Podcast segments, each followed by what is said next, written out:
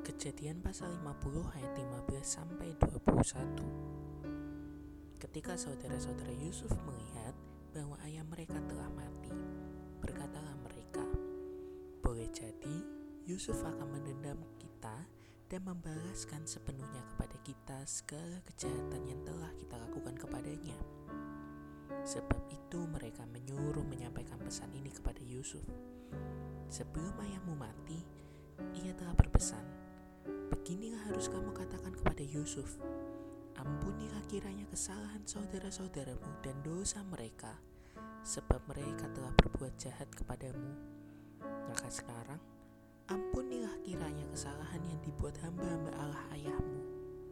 Lalu menangislah Yusuf ketika orang berkata demikian kepadanya. Juga saudara-saudaranya datang sendiri dan sujud di depannya serta berkata, Kami datang untuk menjadi budakmu. Tetapi Yesus berkata kepada mereka, Janganlah takut, sebab aku inikah pengganti Allah. Memang kamu telah mereka-rekakan yang jahat terhadap aku, tetapi Allah telah mereka-rekakannya untuk kebaikan dengan maksud melakukan seperti yang terjadi sekarang ini, yakni memelihara hidup suatu bangsa yang besar. Jadi, janganlah takut. Aku akan menanggung juga. Demikianlah ia menghiburkan mereka dan menenangkan hati mereka dengan perkataannya.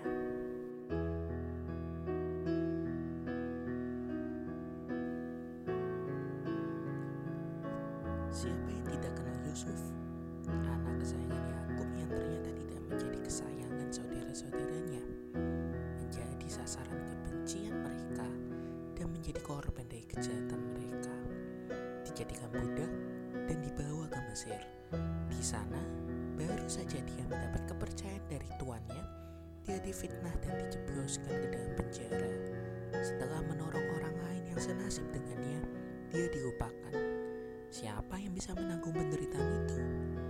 Orang yang paling tangguh sekalipun mungkin akan berkata, "Aku sudah tidak kuat lagi."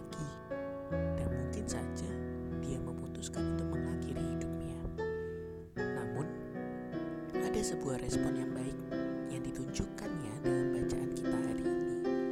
Ya, dia mengampuni saudara-saudaranya.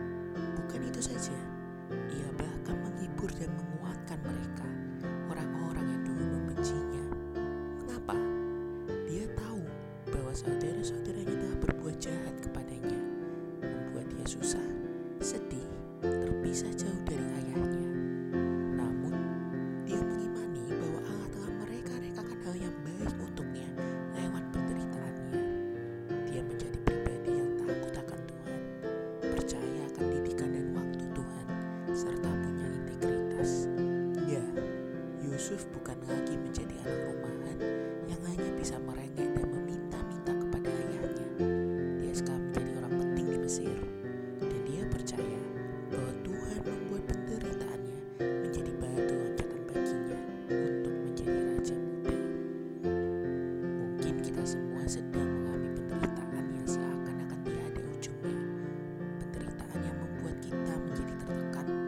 stres, putus asa, bahkan membuat kita tidak bersemangat lagi.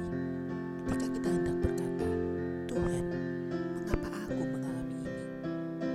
Mengapa kita tidak mengganti pertanyaan itu menjadi, Tuhan, apa yang ingin kau nyatakan kepadaku lewat hal ini? Dengan demikian, kita sedang mengubah perspektif kita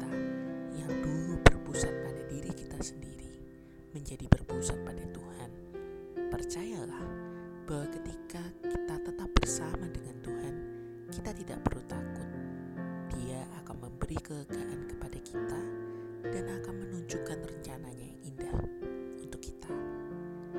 Selamat belajar mengubah perspektif kita terhadap misteri hidup kita masing-masing.